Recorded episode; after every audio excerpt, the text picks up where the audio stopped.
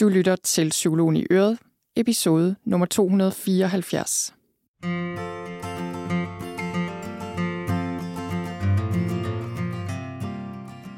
Velkommen til Psykologen i Øret. Jeg er psykologen Birgitte Sølstein, og Øret, det er dit.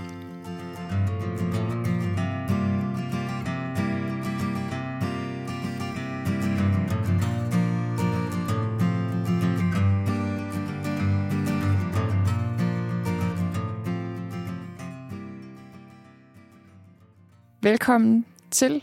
Velkommen til den her Best of episode, som er en episode, som jeg lavede i 2022 på et tidspunkt, men som jeg genudsender i dag, fordi det var en af de episoder, I rigtig godt kunne lide. Og øh, det er sådan her i løbet af sommeren, og det er sommer nu, hvis du lytter til den her episode live, når den kommer ud. Det er sådan i løbet af sommeren her, at jeg er gået på ferie, men podcasten kører videre, og de næste, den her og så de næste tre episoder bliver genudsendelser fra 2022 med episoder, som I var rigtig glade for sidste år. Så dem håber jeg, at du vil lytte til, og, øh, eller genlytte til, eller gen, hvad hedder sådan noget, genlytte, genhøre, hvis du allerede har lyttet til dem, og at, øh, at du kan bruge dem til noget. Og den episode, du kan høre i dag, er en episode, der hedder Det, der ikke slår dig ihjel, kan slå dig ud af kurs. Sådan kort sagt. Og det er jo, øhm, det er jo med henvisning til den her sætning, vi så tit hører. Det, der ikke slår dig ihjel, gør dig stærkere. Og efter min mening er det bare et helt ubrugeligt udsagn, fordi hvad skal man så gøre, hvis man har været igennem et eller andet svært og krævende, og bare føler sig fuldstændig jævnet med jorden og ikke spor meget stærkere. Og det gør mange af os, hvis vi har været igennem noget seriøst, svært øh, og belastende. Hvad skal vi så gøre? Og, øh, og det er simpelthen bare ikke sandt. Det er ikke altid sådan, at det, der ikke slår os ihjel, gør os stærkere. Nogle gange får vi angst, nogle gange udvikler vi et misbrug, nogle gange har vi mistet noget, vi bare hellere vil have beholdt. Og alt det er noget, jeg siger noget om i den her episode. Og jeg vil sige, hvis der er et gennemgående tema i mit arbejde som psykolog, øh, så er det her et af de vigtige. Altså det her med, at vi må se lidt mere nuanceret på, hvad det vil sige at komme igennem svære ting og gennemleve kriser og ligesom dele med angst og stress og alle de her ting. Øhm, fordi det der med bare at sige, at vi bliver klogere af modgang, og ting er gaver pakket ind som udfordringer, og alt det her, altså, det er ikke den store hjælp, hvis vi ikke folder det lidt mere ud. Så øh, det var lige en lille intro, og så håber jeg ellers bare, at, øh, at du vil lytte med, og at du tager noget med dig, du kan bruge til noget. Lad os hoppe over til episoden.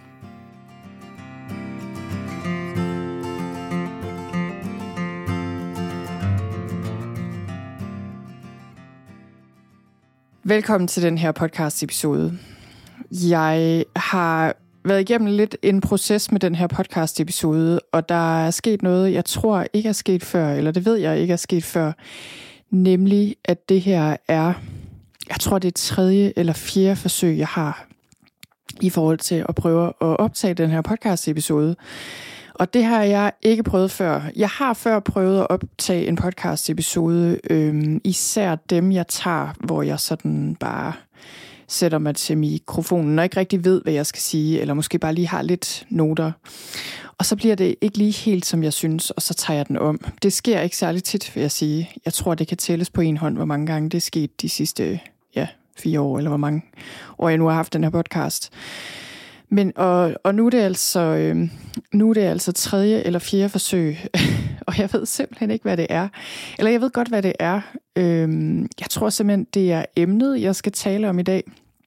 Den her podcast-episode, den handler om, at det, der ikke slår dig ihjel, kan give dig angst og slå dig ud af kurs. Altså, med andre ord, det der, man siger med, at det, der ikke slår dig ihjel, gør dig stærkere, er øh, jo bare noget sludder. Og det vil jeg godt lige tale lidt om og male med til jorden. Lidt ligesom man siger, tiden heler alle sår. Det er jo heller ikke rigtigt. Men øhm, ja, så jeg tror, det er emnet og grunden til, at jeg på en eller anden måde har lidt svært ved lige at få den her podcast-episode, som jeg gerne vil have den. Jeg tror simpelthen, det er fordi, det her er et meget vigtigt emne for mig.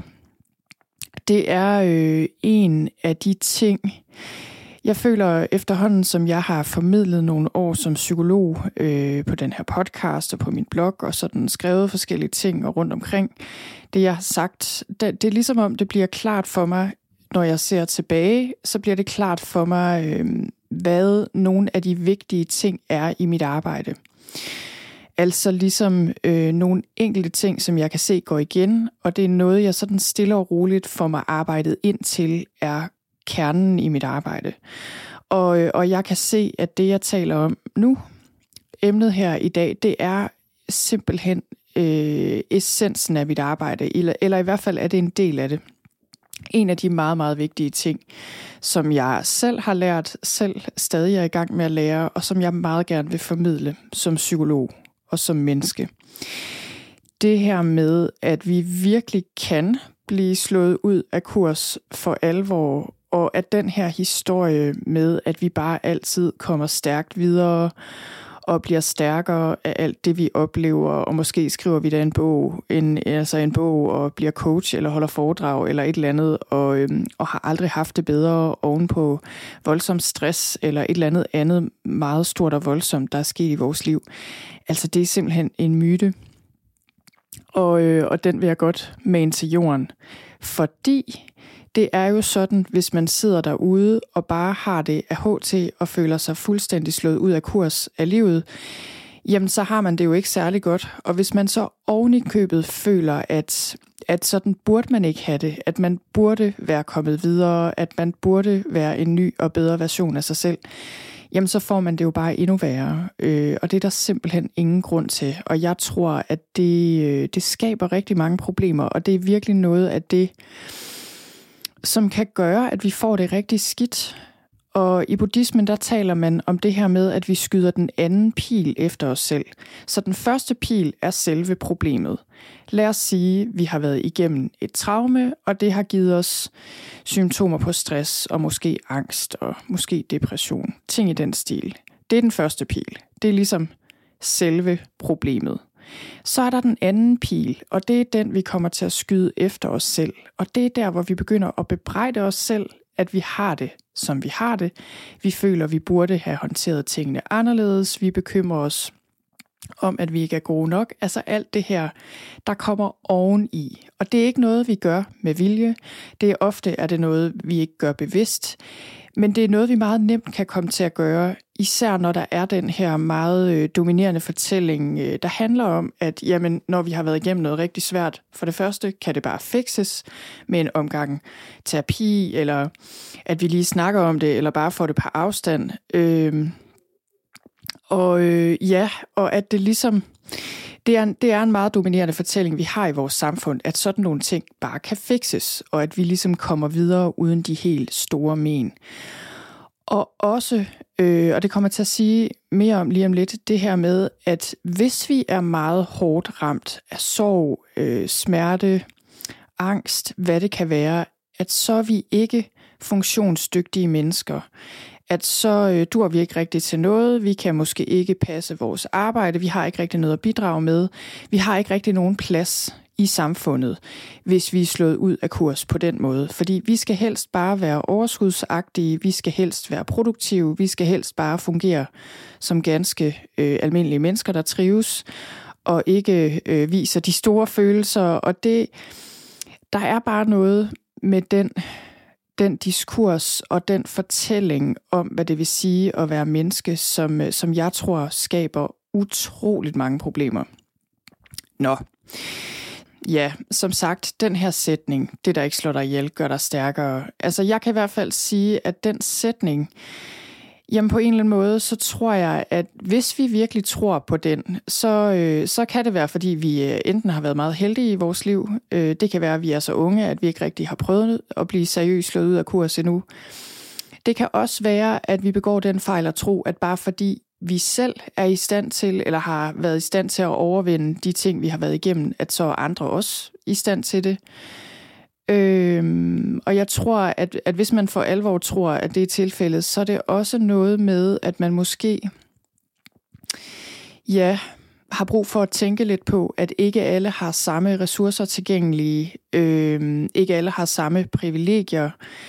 Altså, øh, der sker bare rigtig svære ting, og det er ikke altid, vi kommer godt og stærkt videre fra dem.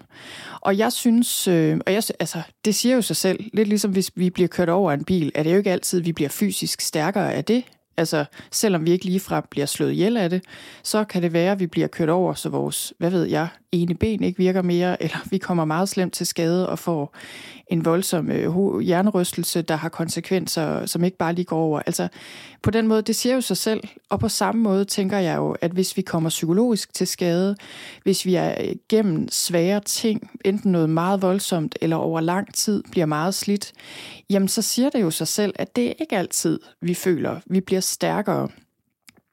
Og jeg kan også sige, at øh, der, der har været Øh, og der er og bestemt stadig også er dage, hvor jeg ikke føler, at jeg er særlig stærk overhovedet, og hvor jeg også synes, at livet overmander mig fuldstændig, og har overmandet mig, og at, at der er ting, der er rigtig svære, øh, og som jeg virkelig ikke har lyst til at dele med. Øh, altså, hvad skal man sige, men jeg har efter nogle af de ting, jeg har været igennem med mit barn, der gør, at jeg meget nemt kan blive trigget, altså sådan særlige lyde eller ord, øh, eller minder, der kommer op, særlige situationer, især hospitalsituationer for mit vedkommende, er virkelig noget, der kan gøre, at jeg lynhurtigt kan få det dårligt, og ligesom øh, får de her kropslige flashbacks. Øh, nu er det bare et eksempel på, når vi er igennem noget, at vi virkelig kan blive mærket af det. Og det føler jeg også, jeg er blevet af nogle af de ting, jeg har været igennem.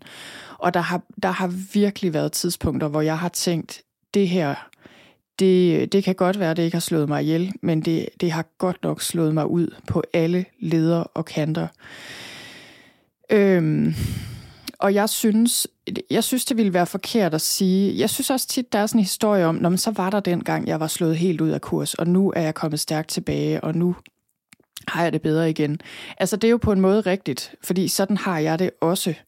Jeg synes ikke, jeg, jeg bliver overmandet af den samme håbløshed, og der er nogle stresssymptomer, der er gået væk, og der er måder, jeg er blevet bedre til at håndtere angst på. Altså, der er mange ting, der gør, at jeg har det bedre. Men jeg synes stadig, jeg tror, det er lidt ligesom sorg. Det var også derfor, jeg sagde det der med, at tiden heler ikke alle sorg. Fordi jeg synes, at med de her ting, og det der med at blive slået ud af kurs, det er ikke så noget med, det er ikke så lineært, at så var vi slået ud af kurs, og nu, nu er vi det ikke længere. Jeg føler i hvert fald i mit liv, at jeg kan have dage og tidspunkter, hvor jeg bare øh, kan have svært ved at overskue det, vi nu engang skal dele med i min familie. Meget af det er knyttet op til mit barn. Det er i hvert fald det, jeg synes er sværest, og, og meget af det er også knyttet op på, på øh, den reaktion, jeg har på de ting, fordi der er simpelthen bare ting, jeg øh, synes er så svære.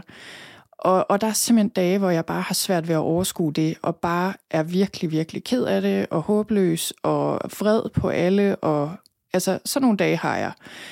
Det er ikke så tit, øh, men jeg har dem, og jeg tror, og, og omvendt kan jeg meget af tiden have det ganske godt, og øh, altså øh, være meget taknemmelig for mit liv. Både på trods af de ting, vi skal dele med, og jeg skal dele med, men også på grund af det, fordi jeg kan se, at det også har båret meget godt med sig, og givet mig nogle muligheder, gjort mig dygtigere som psykolog, gjort mig til et bedre menneske, givet mig mere medfølelse, altså gjort os bedre til at prioritere. Så det, jeg prøver at sige her, det er, at det er ikke sådan en enten-eller ting, synes jeg. Jeg synes både, vi kan være et sted, hvor vi virkelig føler os slået ud af kursen gang imellem, og samtidig erkende og ligesom se, okay, jeg har også fået noget her. Jeg har fået en styrke, jeg er blevet klogere. Øh, så, det, så det er mere nuanceret end som så, synes jeg. Og der er et begreb, der hedder posttraumatisk vækst, som øh, jeg har skrevet om. Jeg skrev et blogindlæg om det på et tidspunkt. Jeg har også lavet en hel podcast episode om det, som er i noterne til øh, linket til det er i noterne til den her podcast episode, som øh, og posttraumatisk vækst, det henviser til positiv psykologisk forandring som følge af meget udfordrende livsomstændigheder, som for eksempel bedre relationer, større tilfredshed med livet, større taknemmelighed osv. Og jeg synes, at det begreb har vi brug for at holde nuanceret. Fordi vi misforstår det, hvis vi tror, at det betyder, at så har vi, har vi det bare fantastisk, og vi føler os stærkere hver dag. Øh, så misforstår vi det begreb. Vi misforstår det også, hvis vi tror, det er noget, der sker hurtigt, fordi min erfaring er, at det er en proces. Det kan være sådan en frem- og tilbage proces, men den kan vare overvis, endda årtier. Øh, nogle gange, jeg føler på mange måder, kan den vare hele livet. Så det vil også sige, hvis du har været ude for noget svært og føler dig slået ud af kurs, og du har haft det sådan i overvis, jamen, så er det ikke nødvendigvis, fordi du har gjort noget forkert. Så er det bare sådan, livet er nogle gange. Og, øh, og netop det der med, at vi kan gro som mennesker, samtidig med, at vi også har det meget svært en gang imellem. Og det tror jeg bare er så vigtigt for mig at fortælle mig selv, men også at fortælle jer derude. Fordi når vi har det skidt en gang imellem, og har angst eller stress eller depression, så, så kan vi virkelig vente mod os selv og tænke, jamen så er der noget i vejen med mig. Så dur jeg ikke til noget, så betyder det, at jeg har misforstået noget, eller at jeg bare ikke gør det godt nok. Og det er ikke sådan, det er. Det, det er virkelig ikke min erfaring, at det er sådan, det er. Jeg, jeg må bare sige, især efterhånden, som jeg bliver lidt ældre og lidt klogere og møder flere og flere mennesker, altså nogle af de dygtigste og klogeste og mest succesfulde mennesker, jeg har mødt, de kan også have det rigtig skidt og have en enormt dårlig dag. Og nogle af dem lever med angst eller med et eller andet andet, som vi måske ikke altid kan se, men som er super svært. Øhm, så, så, så det der billede, vi har af det succesfulde menneske og hvem vi skal være for virkelig at have noget at bidrage med, det, det har vi altså virkelig brug for at nuancere. Så øhm, ja, og det er et begreb, jeg rigtig godt kan lide, som jeg også har nævnt før, tror jeg, øh, som jeg i hvert fald nævner i det her blogindlæg om øh, posttraumatisk vækst. Det er det begreb, der hedder øh, falling upwards, som er den franciskanske munk Richard Raw. Han bruger det her begreb, altså at falde opad i livet. Så, så han har skrevet en bog, der hedder det her, og det handler om det der med, at der er en tendens til, at før eller siden i vores liv, så falder vi. Hvis ikke før, så sker det tit sådan midt i livet. Og hans pointe er, at når vi falder i livet, jamen det er egentlig der, vi begynder at lære. Og vi kan, hvis vi er villige til det, hvis vi er åbne over for det, villige til at kigge på os selv og drage omsorg for os selv og ligesom finde styrken i alt det svære, samtidig med, at vi erkender, at vi ikke behøver at være perfekte, jamen så kan vi ligesom falde opad og gro på grund af det. Ja, så der er et øh, begreb, som jeg øh, hørte om her for ikke så længe siden faktisk, som virkelig mindede mig om det her emne, og det er et begreb, der hedder overlevelsesbias. Og øh, overlevelsesbias, det er en kognitiv bias, som vi mennesker har. Og vi, der findes alle mulige forskellige former for bias, altså særlige måder at tænke på, som, øh, som vi har tendens til som ligesom gør, at vi nogle gange øh, tager fejl af ting, eller ser ting forkert, eller misforstår ting. Øhm, så, øh, så den her overlevelsesbias, den er ret interessant, fordi den giver os et forkert billede af, hvordan mennesker kommer videre fra traumer og kriser. Så, så overlevelsesbias henviser til den fejlslutning, kan man sige, som vi meget nemt kommer til at begå, at fordi nogen overlever og bliver stærkere af noget svært, så er det ens betydende med, at det gør sig gældende for alle. Og det, øh, hvis man tænker lidt over det her, så giver det jo mening, fordi typisk så vil dem, der fejler og bliver slået ud af kurs og har det rigtig skidt, de vil være mindre synlige, og de vil ikke have en så stor stemme i offentligheden, og derfor overser vi dem nemt. Så, øh, så det her gælder også i forretningslivet. Den her bias gælder også i forretningslivet, for eksempel med virksomheder, der lukker, og derfor ikke rigtig bliver taget med, når man overvejer, okay, øh, hvordan, hvordan skal man drive en virksomhed? Det er også rent historisk, gør det sig gældende. Altså det her med, at overleverens version af sandheden bliver den dominerende. Men, øh, men i forhold til traumer og kriser, så vil der være en tendens til, at dem, der kommer stærkt videre, de er meget stærkt repræsenteret, fordi det øh, er dem, der skriver bøger og fortæller deres historie og er i fjernsynet og så videre. Hvorimod de af os, der enten får så meget angst, vi ikke kan gå uden for en dør, eller så meget depression, at vi bare overhovedet ikke overgår at stå ud af sengen om morgenen, øh, dem, der mister vores ægteskab og bare lever i total krise eller i et misbrug eller et eller andet. Altså det siger jo sig selv, at vi ikke har overskud til at rende rundt og fortælle vores historie på samme måde øh, og heller ikke får samme mulighed, fordi det er klart, at i samfundet er vi mere interesserede i at høre den her succesfortælling. Og jeg tænker jo også, øh, hvis man endelig får muligheden for at fortælle sin historie, og det er der selvfølgelig også folk, der gør, så tænker jeg bare, at det kræver en hel del mere mod at fortælle den historie. Fordi det er jo meget nemt på en måde at stå og fortælle øh, en historie, der handler om, se mig, se hvor godt det gik, nu har jeg det meget bedre, øh, jeg klarede det hele, end at fortælle en historie om, at jeg synes stadig, det er svært, jeg ved ikke, hvad jeg skal gøre, jeg har mistet rigtig meget, jeg, jeg synes faktisk ikke rigtigt, jeg kommer nogen vegne, mit liv er slået ud af kurs, og det er det sådan set, det bliver det sådan set ved med at være.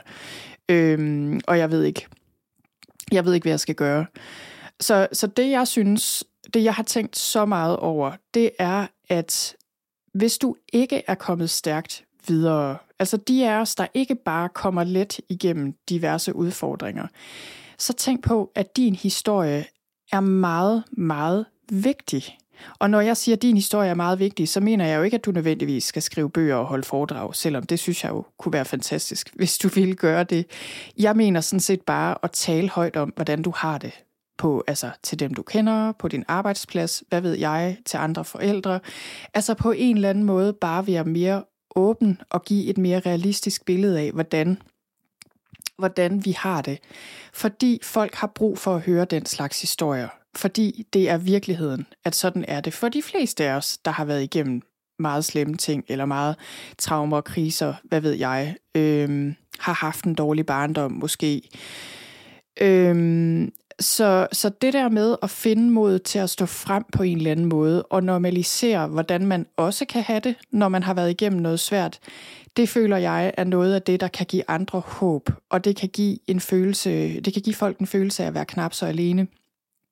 Og jeg vil sige for mit vedkommende, at det er årsagen til, at jeg fortæller åbent om, at jeg har været ramt af stress engang, og at jeg har oplevet ret så meget angst af flere omgange, øh, og at det er noget, jeg har måttet lære at håndtere, og øh, for det meste går det meget godt med at håndtere den angst, men der har sandelig også været perioder, hvor jeg synes, det har været mega svært, og hvor jeg har gjort alt det, man ikke skulle gøre, og det gjorde det bare meget værre. Grunden til, at jeg står frem og siger det, det er ikke, fordi jeg har behov for at fortælle min historie udadtil. Øh, der er ikke nogen det ved jeg ikke, om man kan sige. Jo, det tror jeg faktisk godt, jeg kan sige. Jeg føler ikke, der er noget terapeutisk for mig i at stå og fortælle det offentligt. Fordi jeg er så heldig, at jeg har steder, jeg kan gå hen og tale om det med folk øh, privat. Altså, og det, det føler jeg egentlig, at der man har brug for at snakke om det, først og fremmest. Altså folk, jeg kender, folk, jeg stoler på. Det er ikke nødvendigvis særlig mange, men altså den der åbenhed og fortrolighed, og ligesom kunne sige, okay, jeg har det rigtig svært. Den proces, eller den, det sted har jeg i mit liv, og den her podcast er ikke det sted. Øh, det er ikke derfor, jeg fortæller åbent om, hvordan jeg har det, eller hvad jeg har kæmpet med og stadig kæmper med. Det er fordi, jeg gerne vil normalisere det. Og jeg ved, at når jeg gør det, når psykologer gør det, eller læger, eller hvem som helst, hvilket som helst menneske gør det, så er det med til at normalisere det. Og folk kan sige, okay, jamen, øh, hvis Birgitte har den her type af angst, og jeg måske også kæmper med den, eller hvis hun nogle gange har dårlige dage, og jeg, måske, og jeg også har dårlige dage, jamen så er det måske ikke mig, der er noget i vejen med. Så er det måske bare sådan, det er at være menneske. Det, det ligger mig simpelthen så meget på sinde, og det, det det, jeg gerne vil med meget af mit arbejde og med den her podcast-episode i dag. Og øh, så kan man sige, øh, Altså, mit evige dilemma, jeg ved ikke rigtigt, om det er et dilemma, men det er i hvert fald sådan en ting, jeg har i baghovedet. Det er altid det der med, jamen, jeg er jo psykolog, og hvis jeg stiller mig frem og siger, vi kan blive ramt af noget svært, og så kan vi få angst, og øh, det skal vi nogle gange leve med. Øh, enten med angsten, eller med sorgen, eller med et eller andet andet svært så øh, er der sådan en lille stemme i mit baghoved, der siger, jamen så tager jeg jo håbet fra folk. Fordi det jeg jo i virkeligheden skulle stå og sige som psykolog, det var jo, se her er metoden, der kan få det til at gå over. Se alle de her terapeutiske manualer, vi har, hvor hvis du følger den og får 12 samtaler hos en psykolog, jamen så går det over, og så er du fikset, og så er der ikke noget problem. Og det, øh, jamen det er lidt et dilemma, fordi jeg ved, at der er ting, der virker der øh, gør, at vi kan få det bedre, og det har jeg bestemt også oplevet på egen krop, og jeg har set det hos mange, mange, mange andre, der har fået det bedre efter stress, efter angst, efter depression, efter traumer, efter alt muligt. Og det kan de, og nogle gange øh, forsvinder angsten, det har jeg også oplevet øh, i perioder, og, og især da jeg var yngre. Øh, det, det, bestemt, der er ting, der hjælper. Og det, jeg har også lavet et selvhjælpsforløb til angst, man kan kigge på inde på min hjemmeside. Altså, jeg ville jo ikke have lavet et selvhjælpsforløb til angst som psykolog, hvis jeg ikke troede, der var noget, der virkede. Det er der. Det er bare, at det ikke altid kan lade sig gøre at fjerne for eksempel angst helt. Og hvis du er i en situation, hvor det bare ikke lige helt har kunne lade sig gøre, eller har kunne lade sig gøre endnu, så er det ikke nødvendigvis dig, der er noget i vejen med. Så er det måske bare en del af processen. Og, øh, og i virkeligheden er der jo ikke noget at sige til, at vi er mærket på den ene eller den anden måde, når vi har gennemlevet noget svært. Så, øh, så jeg synes, jamen jeg synes, det er meget interessant det her, øh, og det er virkelig sådan lidt et, øh, det er sådan en dobbelthed i mit arbejde, og jeg ved også, øh, Svend Brinkmann taler jo meget om det her, og han er meget ude efter psykologstanden og den måde, psykologer arbejder på i dag, og, og øh, hvad skal man sige, jeg ved ikke, om han er ude efter psykologstanden, men han forholder sig meget kritisk til det, og det kan jeg rigtig godt lide, fordi der er jo noget, der ikke virker her. Altså, vi har flere psykologer og psykoterapeuter, end vi nogensinde har haft. Danmark er vist nok, så vidt jeg husker, hvis jeg husker det rigtigt, øh, fra en undersøgelse, jeg læste, det land med flest psykologer og psykoterapeuter per indbygger, og alligevel så har vi tårnhøje rater af angst og stress og depression, og det bliver værre og værre. Så der er et eller andet i den her model, der ikke virker. Og det samme kan man sige om psykiatrien, den etablerede psykiatri i det offentlige. Et er, at der måske ikke er ressourcer nok, men jeg tror også, der er noget i den grundlæggende model, øh, den grundlæggende måde, vi går til de her ting på, der bare ikke virker. Og så det, så det er den ene side af sagen. Øh, jeg er meget, meget optaget af at tale om de her ting, tale om menneskelig lidelse som noget naturligt og normalt, og som noget, øh, hvad skal man sige, som, som man, det er ikke noget, der er en personlig brist, hvis vi går og har det svært. På den ene side, øh, og så på den anden side er det simpelthen så vigtigt for mig også at give viden og værktøjer og give håb øh, og teknikker og meditationer og hvad ved jeg, alt det jeg laver i mit arbejde for at hjælpe folk, fordi jeg ved, der er ting, der hjælper, og jeg tror også meget på det personlige ansvar. Altså det her, det handler ikke om, at man bare skal sætte sig ned og synes, at det er synd for en, hvis man har haft en dårlig barndom, eller lever med noget meget svært, fordi det hjælper ingen. Jeg tror rigtig meget på det personlige ansvar, at vi bliver nødt til at tage ansvar selv. Det kan ikke nytte noget, vi bebrejder samfundet, eller fortiden, eller hvad ved jeg, vores svigermor. altså det kan simpelthen bare ikke nytte noget. Vi bliver nødt til at gøre noget selv. Men det kan vi godt gøre samtidig med, at vi har drager omsorg for os selv, har medfølelse med os selv og med andre, der kæmper, og ligesom, øh, hvad skal vi sige, giver os selv rimelige vilkår og, og ligesom har rimelige forventninger til os selv, i stedet for at det kammer over, og at vi tror, at vi bare kan fjerne alle symptomer og alle problemer, og hvis ikke det lykkedes os, jamen så er der noget i vejen med os, og så er der noget i vejen med vores liv. Okay. Det, jeg vil gøre her øh, til sidst, nej, det sidste, jeg vil sige, her, det er øh, lidt om det, man kunne kalde det realistiske håb, som også er noget, jeg har sagt noget om før. Og det er et begreb, jeg også arbejder med, øh, både i mit arbejde med angst og med stress. Så, så der er jo flere former for håb, og jeg føler, at det naive håb, det urealistiske håb, det handler om, at vi tror, at alt kan lade sig gøre, og at vi kan klare os igennem alt uden problemer, øh, uden at blive slået ud af kurs, og, og at det er nemt. Det er det urealistiske håb. Det realistiske håb, det handler om, at selvom vi bliver slået ud af kurs, og måske ikke aner, hvad vi skal stille op, selvom vi har kæmpet i lang tid, så er der stadig håb. Der er håb om, at vi kan få det bedre over tid, også selvom livet ikke er perfekt, også selvom vi ikke har det godt hver dag. Der er håb om, at vi kan finde fællesskab, at vi ikke behøver at være alene med det, der er svært. Der er håb om, at at små forandringer over tid i dagligdagen virkelig kan få os ind på en helt ny kurs med tiden. Der er håb om, at vi kan lære noget undervejs i processen. Der er håb om, at selvom vi lever med meget svære ting, så er livet stadig værd at leve, og vi kan føle glæde og mening og virkelig trives i vores liv overordnet set. Øhm, og det, det her realistiske håb, det er det, jeg gerne vil give.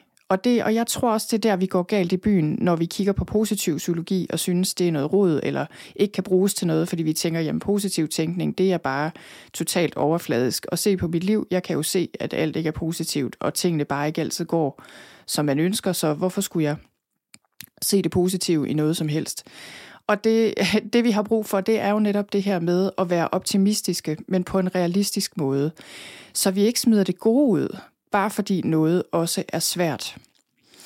Så, øh, så det jeg også føler, jeg har lært i den her proces, som er mit liv, det er, at i stedet for at tænke, at jeg kun er okay, hvis jeg har fjernet angsten for eksempel, eller mine andre dårlige vaner, øh, eller de problemer, der er i mit liv, så er det gået op for mig, at i stedet for, at jeg skal tænke, at jeg skal fjerne de her ting og fikse de her ting, så føler jeg mere, at jeg skal at jeg skal transcendere dem. Og transcendere, øh, det, altså det ord betyder jo ligesom, at jeg skal blive større end dem.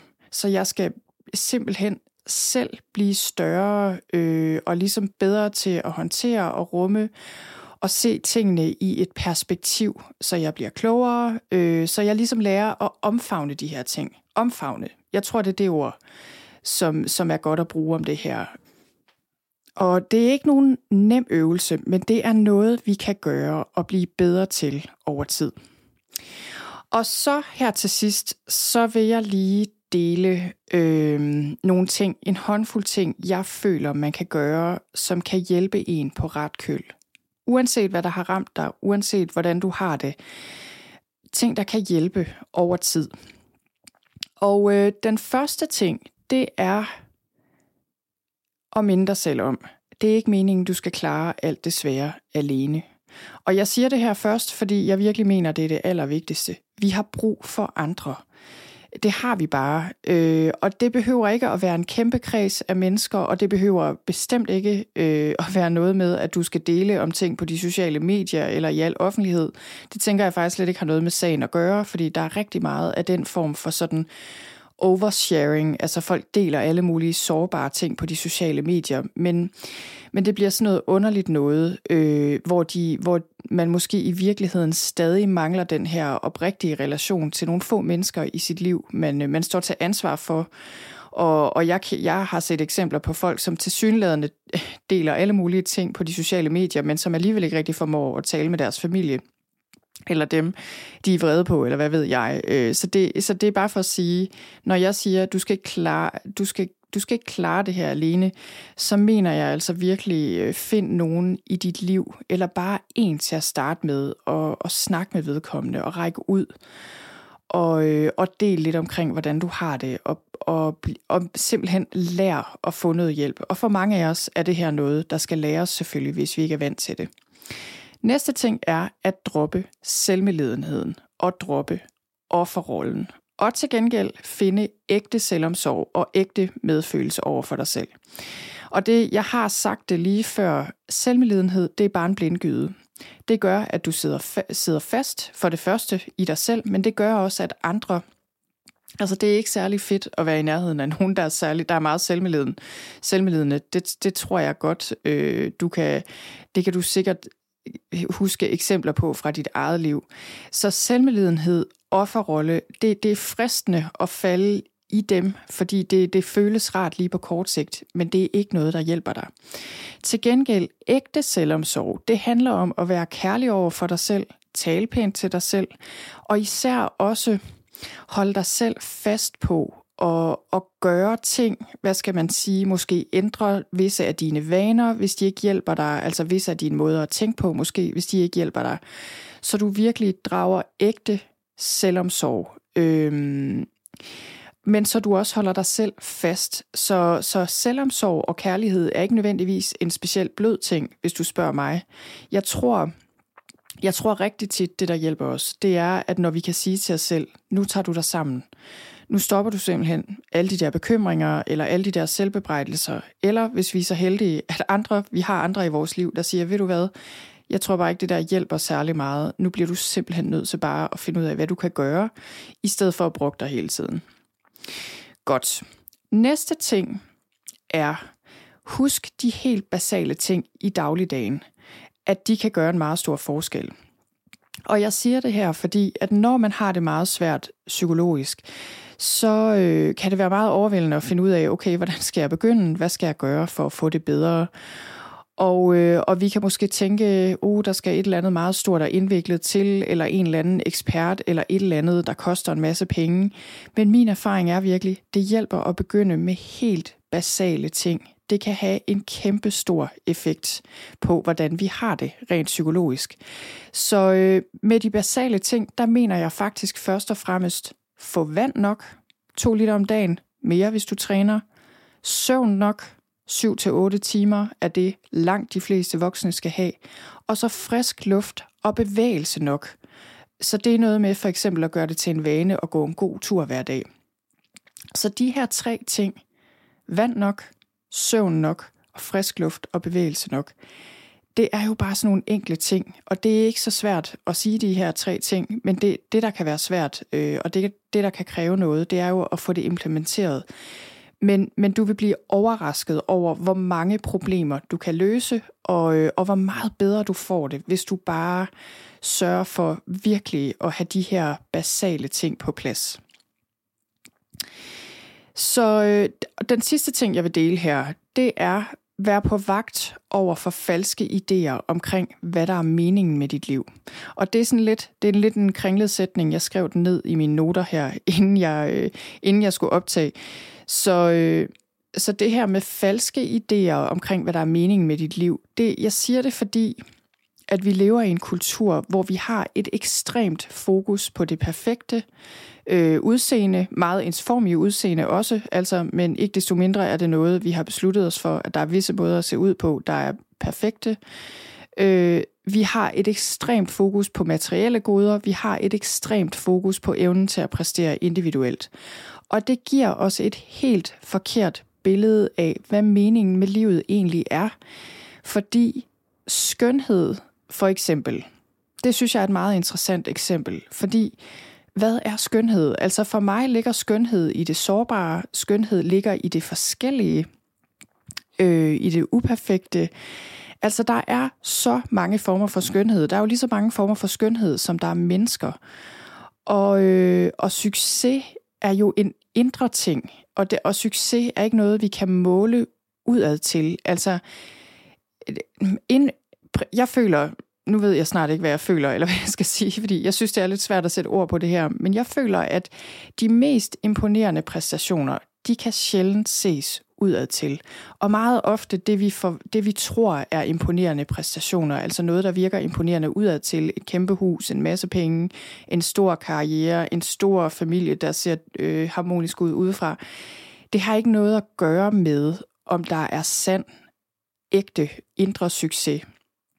Og jeg føler, at, at ægte indre succes, det har netop noget at gøre med, at vi udvikler os som mennesker, at vi, øh, at vi er i stand til at lære livet igennem, at vi, øh, at vi simpelthen bliver bedre mennesker efterhånden, klogere, mere åbne, at vi også bliver dygtige til visse ting, det vi nu engang har evner for, øh, at vi bruger dem bedst muligt. Så, så det her, det er bare for at sige, at jeg tror også nogle gange, når vi ender med at have det vildt dårligt, når vi er blevet slået ud af kurs, så er det fordi, vi tror, at vi ikke kan bruges længere, og vi tror, at nu er vi bare kørt af sporet, øh, fordi, fordi vi måske er kørt af sporet, sådan når man ser det med de her samfundsmæssige briller. Men det er simpelthen så forkert. Altså, jeg føler, det er nærmest omvendt, fordi tit så er vi i gang med at, at lære meget, meget vigtige ting, hvis vi ellers vil tillade os selv at lære dem, som gør os langt bedre i stand til, øh, til at have et liv, som er sådan ægte succesfuldt. Godt.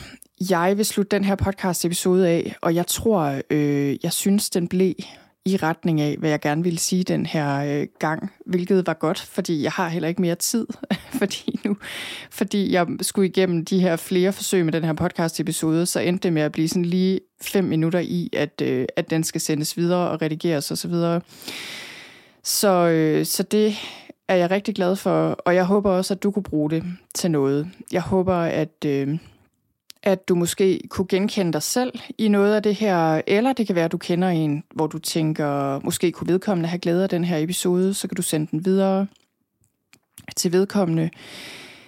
Det, øh, det sidste, jeg vil dele her egentlig, inden jeg slutter af, det er et citat af Carl Rogers, som var en stor humanistisk psykolog, og det er et af mine yndlingscitater, som jeg føler opsummerer lidt noget af alt det, jeg har talt om her og han sagde, det mærkelige paradoks er, at når jeg accepterer mig selv, som jeg er, kan jeg ændre mig. Og jeg slutter af med det citat, fordi jeg tænker, at det, øh, det beskriver meget godt det her paradoks, og det jeg prøver at sige her, at på den ene side, så handler det om at acceptere der, hvor vi er, og acceptere os selv, inklusiv det hele, inklusiv hvordan vi har det, uanset hvordan vi har det. Og at det i sig selv på en eller anden paradoxal måde er noget af det, der får os videre og gør, at tingene faktisk forandrer sig. Så det var det, jeg havde for i dag. Jeg håber, at øh, du kunne bruge det til noget. Husk også, at hvis du synes om de her podcast-episoder, og hvis du følger med, så overvej også at, øh, at følge med på tirsdagsmailen, som er mit ugenlige nyhedsbrev, som jeg skriver ud en gang om ugen om tirsdagen, og du kan gå ind på sølvstein.dk-tirsdagsmailen og skrive dig op der. Det er ganske gratis, og så får du en dag en morgenmeditation med oven i købet, som rigtig mange er glade for. Og så vil jeg ellers bare sige tusind tak, fordi du lyttede med.